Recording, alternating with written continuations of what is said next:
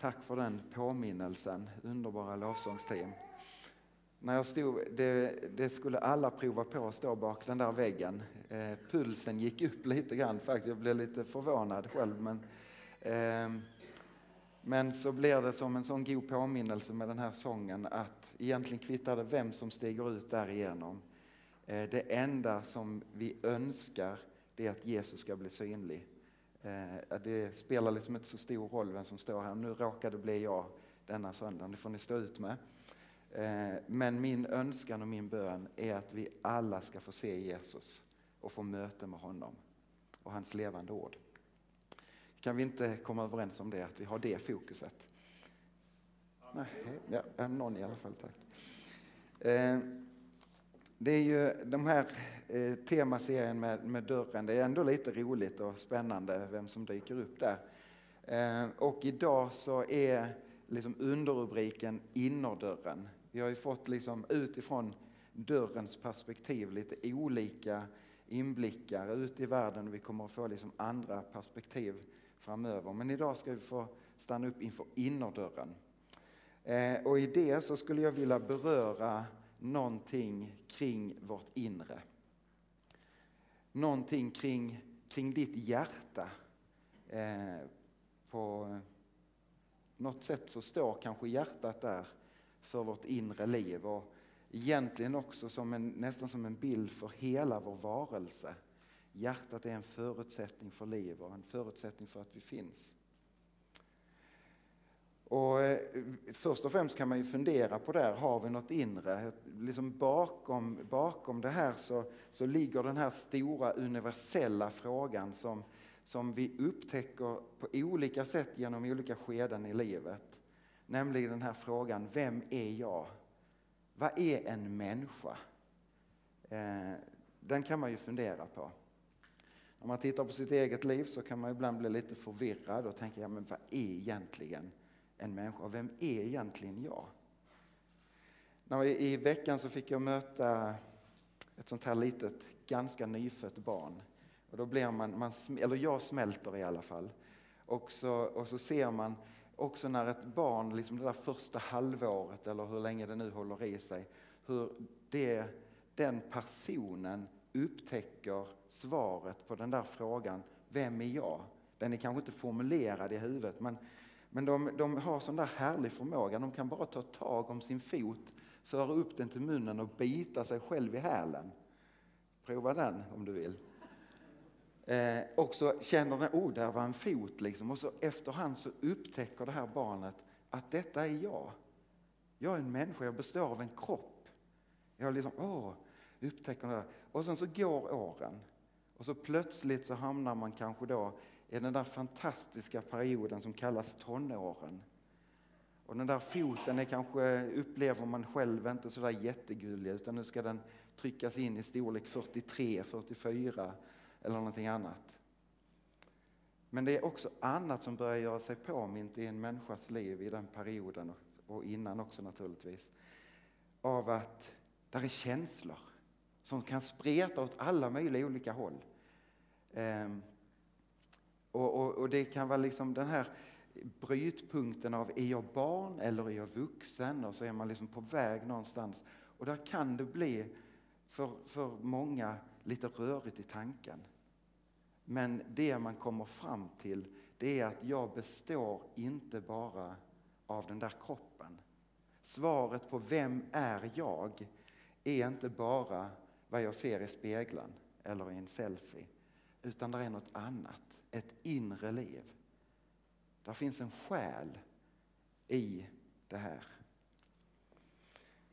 Eh, I veckan så så kunde jag inte låta bli att hitta tillbaka till en av mina gamla lärare på Johannelund när jag läste där. Esbjörn Hagberg skrev en bok, eh, Själavård vid köksbordet. En fantastiskt bra bok. Eh, även om den varför skulle den bli sämre? För att den får år på nacken. Ja. Den blir inte sämre för att den blir gammal. Liksom. Han skriver så här, han, han hittar, hittar någon gammal god beskrivning i en konfirmandbok. Jag tyckte ändå det var lite roligt på den här frågan, vem är jag? också beskriver, eh, förenklat naturligtvis, men i den här konfirmandboken, en människa på det här sättet. Vi består, det här är naturligtvis lite olika, men ändå något slags medelvärde. Vi består av fett som räcker till sju tvålar, järn som räcker till en medelstor spik, socker som räcker till sju koppar te, om man nu har te, kaffe, eller i, i, socker, i, socker i teet menar jag. Kalk som räcker till att kalka en hönsbur med. Fosfor som räcker till tändsatsen på 2200 tändstickor. Magnesium som räcker till en dos salt. Pottaska som räcker till att spränga en liten leksak med. Och svavel som räcker till att utrota lopporna på en hund. Och så kan man summera ihop det här och så kan man börja prata, vad har vi för människovärde? I dagens värde, jag försökte räkna om detta, så ligger vi någonstans på mellan 20 och 25 kronor. Men det är ju inte en människa. En liten begränsad bild som bör beskriva. Men man kan också svara rent biologiskt, vad är en människa på det här sättet? De, död, de döda blodkropparna, de röda blodkropparna i vårt blod skulle räcka till att täcka en yta på 300 kvadrat, eller 3000 kvadratmeter.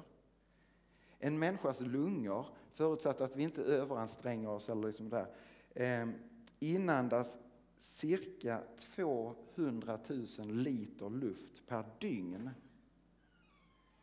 Och den här lilla pumpen här inne i hjärtat pumpar runt 2400 liter blod i timmen. Skulle vi räkna cellerna bara i hjärnan jag får titta ner här på, på Björn, han får säkert rätta mig sen. Men jag citerar ju bara så att jag är ändå lite safe. Men skulle vi räkna cellerna i vår hjärna så skulle det ta 300 sekler att räkna dem om vi räknar en i sekunden. Vi är bara medvetna om 40. Nej, nu det är en annan grej. Men vi, vi, vi liksom använder naturligtvis hela hjärnan, men vi är bara medvetna om en sån liten del. Och det här är fascinerande om man knyter an till det där lilla nyfödda barnet. Vi börjar med en cell som delar sig. Allting ligger där. Och så helt plötsligt har vi extremt många celler bara i hjärnan. Wow, alltså det är fascinerande. Den där hjärnan registrerar 11 miljoner bit per sekund. Av de här är vi endast medvetna om 40 Det pågår liksom en verksamhet här uppe som vi inte riktigt är medvetna om. Och så kan man fortsätta så. Eh, men vi är ju inte bara en kropp. Och vi är heller inte bara en kropp och en själ. Utan det är ytterligare en dimension av svaret på vad är en människa. Tar vi Bibelns berättelse så, så kan vi läsa i skapelseberättelsen om hur hur Gud skapar. Fantastiskt. Han skapar himmel och jord och allt vad det rymmer. Planeter och stjärnor och galaxer och, och, allt vad det är.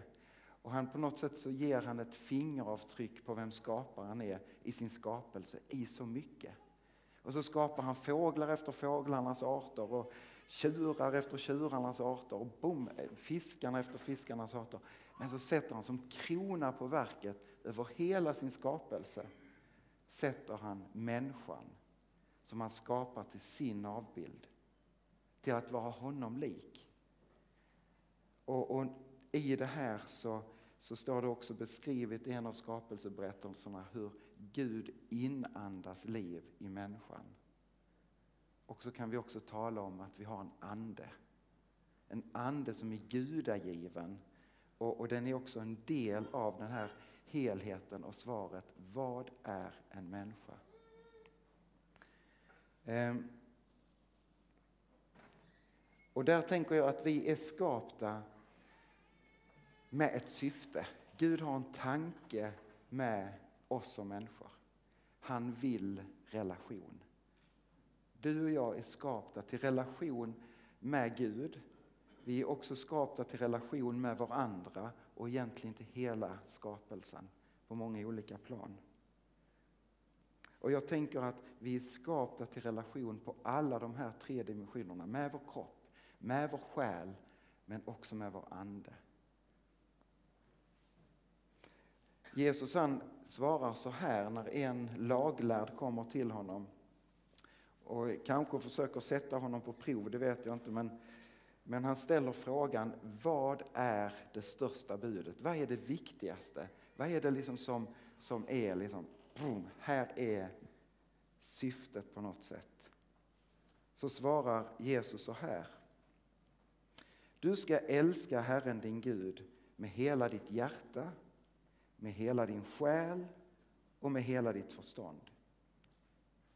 Det är nästan som man kan liksom läsa in hjärtat, det inre, själen, liksom allt vad det innebär, förståndet också, liksom vad som har med det yttre att göra kanske lite grann. Du ska älska Gud med hela din varelse, allt vad du är. Sen kommer ett av samma slag. Du ska älska din nästa som dig själv. På dessa båda bud vilar hela lagen och profeterna, säger Jesus.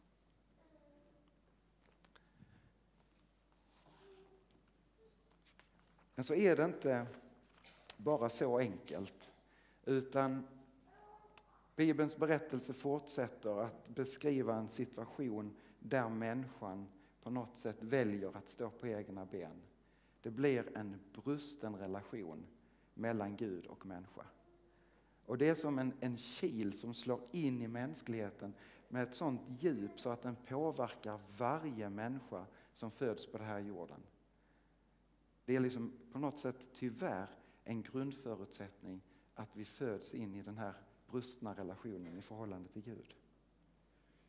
Syndafallet som sker det innebär att det blir fel i min och din relation till Gud men också i din och min relation till varandra och också i våra relationer till oss själva. Där är någonting som blir snedvridet i, i det här. Ibland så kan man börja fundera på det där, var går den där skiljelinjen mellan gott och ont? Och jag tror inte den går mellan olika nationer eller mellan olika åsikter eller politiska liksom, tänk eller så. Utan den där skiljelinjen mellan gott och ont går genom varje människohjärta. Också genom ditt människohjärta. Du har enormt mycket fint som skap till Guds avbild. Där ligger en gudslikhet i ditt liv. Där ligger någonting av Guds ande i dig. Men där är också någonting av den där skeva världsbilden sen syndafallet. Någonting som drar bort ifrån Gud och någonting som gör att det inte blir så som det var tänkt från början. Här skulle vi kunna ta många exempel. Vi kunde egentligen ta vilken människa som helst som har levt eh, i, i, i vår historia som skulle kunna vittna om att det blir fel. Jag tänkte jag skulle välja kung David. En av eh, de där männen som, som vi kan ha så dubbla känslor inför. Den stora kungen som blev, blev kallad av Gud i tidig ålder att leda folket och så vidare. Och det står till och med om honom att han är som en man efter Guds hjärta. Men han brottades också med det som blev fel och snedvridet. Han älskade inte sin nästa så som sig själv utan vid flera tillfällen och specifikt vid ett tillfälle så såg han till sitt ego mer än att han såg till sin nästa. Han blev vid ett tillfälle förblindad när han såg den här vackra kvinnan, när han stod uppe på taket på sitt palats, tittade ner utöver och så är det en kvinna som står och arbetar på ett tak bortöver, Batseba. Och, och skönheten förblindar honom så att han medvetet driver hennes man i döden för att han ska kunna ta den kvinnan till sig. Han begår en, en, naturligtvis en grov och fruktansvärd synd och ett övertramp. Så Gud kommer att gå till rätta med, med kung David genom att han sänder profeten Natan. Och profeten Natan får, får gå till kungen och ger honom en, kungen en liknelse. Han berättar en liknelse om, om en man som beter sig fel där det döser. Och den, den berättelsen börjar liksom likna Davids handlande.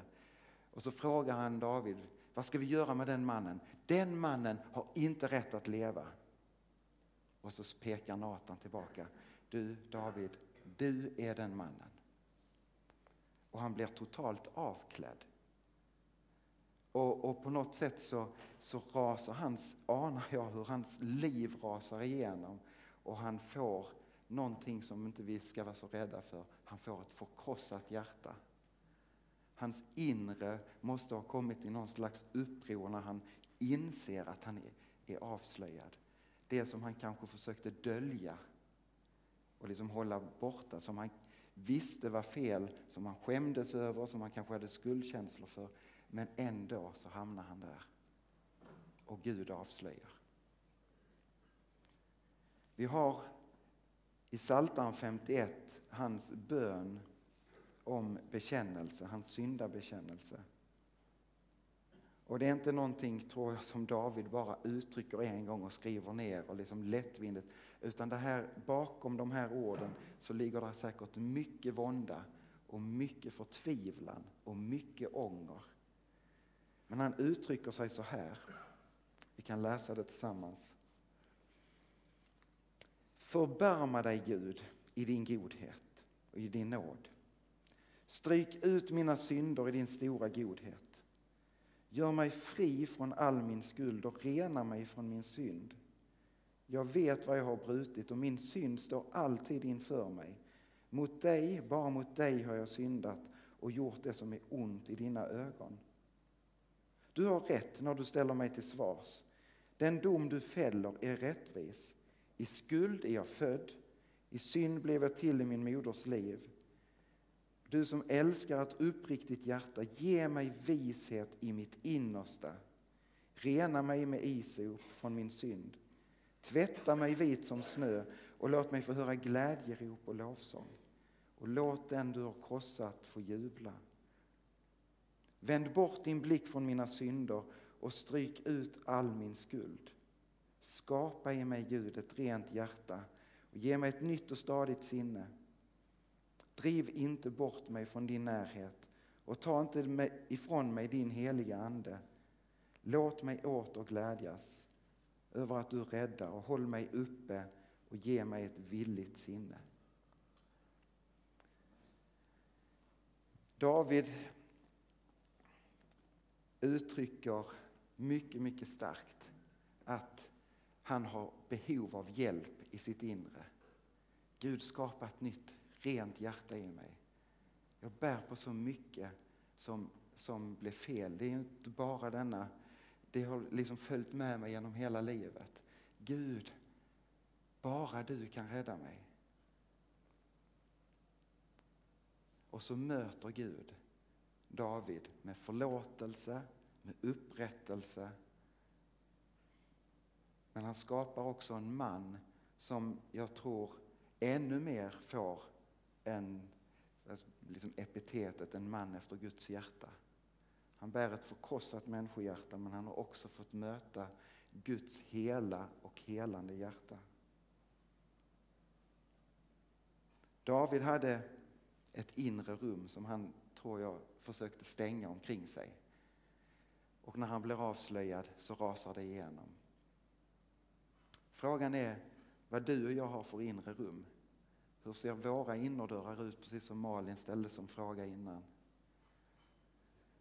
Jag tror att vi alla kanske bär på, på skrymsel och vrår i vårt inre som vi inte skulle vilja att någon annan tittar in i. Som vi nästan liksom, ja, mm, kan man stänga igen den där innerdörren? Jesus han säger så här genom Johannes i, i Uppenbarelseboken 3 och 20. Ett fantastiskt ord där, där Jesus han säger, se jag står vid dörren och bultar. Om någon öppnar dörren så vill jag gå in och hålla gemenskap, hålla måltidsgemenskap med honom eller henne. Och jag tänker så här att, att när vi säger vårt ja till Jesus så flyttar han in. Och han flyttar inte så lätt ut, men han, han flyttar in i ditt liv. Och vi kan kalla det, säga det som att ja, men jag blev frälst, jag blev räddad, jag blev jag gick från död till liv och, och jag, jag är en kristen. Det är så enkelt som att säga Jesus, jag släpper in dig. Och han stiger in i ditt liv och du är räddad. Och det är en helt ny lag som gäller över ditt liv från och med den stunden. Nämligen den andliga lag som, som befriar, inte köttets lag som, som liksom bara, bara dömer och, och förgör. Men i veckan så har jag målat den här bilden över att Jesus fortsätter i ditt hjärta, i ditt inre och i mitt hjärta och i mitt inre att stå och knacka också på innerdörrarna. Magnus, släpp in mig också där. Det som tynger dig med skam och som tynger dig med skuld. Jag är intresserad av det rummet också. Där vill jag gå in och blåsa liv. Andas med min andedräkt som, som förtär synden, som, som liksom bara i min utandning så ligger förlåtelsens befriande liksom kraft på något sätt.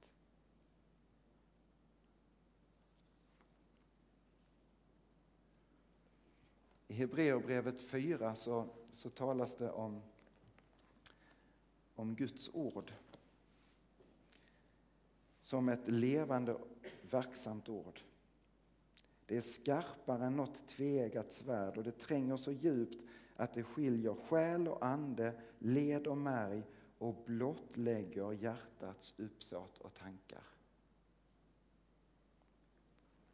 På ett sätt så tror jag, eller på många sätt så tror jag att det här ordet kan verka på det sättet. Men djupa sett så tänker jag att det faller tillbaka på ordet, Jesus själv. Ordet blev människa och bodde ibland oss. Ordet Jesus som skiljer märg och ben. Han som liksom blottlägger hela hjärtats uppsåt och innehåll. Jesus ser rakt igenom dina och mina innerdörrar som vi försöker stänga till. Och det fantastiska är att han ändå står kvar och fortsätter att knacka. Han flyr inte för det som vi kanske skäms för eller som vi känner skuld för, utan han står kvar. Jesus är inte beroende av några dörrar. När han har uppstått så går han rakt igenom dem. Vum. Han rör sig fritt i ditt och mitt inre. Men eh, på något sätt så anar man Guds oerhört, jag ska säga, stora respekt för ditt liv när han säger jag väntar på att du ska öppna. Jag väntar på ditt gensvar. Och han är blixtsnabb på att svara jag stiger in. Jesus står vid din dörr hur det än ser ut bakom den. Och i det här mötet så tänker jag att vi alla kan stämma in i, i eh, Davids bön. Låt mig bara få läsa några av de här verserna igen. Och tänk in ditt eget liv i den här syndabekännelsen. Gud, vänd bort din blick från mina synder och stryk ut all min skuld. Skapa i mig, Gud, ett rent hjärta och ge mig ett nytt och stadigt sinne. Driv inte bort mig från din närhet. Ta inte ifrån mig din heliga Ande. Och låt mig åter glädjas över att du räddar. Håll mig uppe och ge mig ett villigt sinne.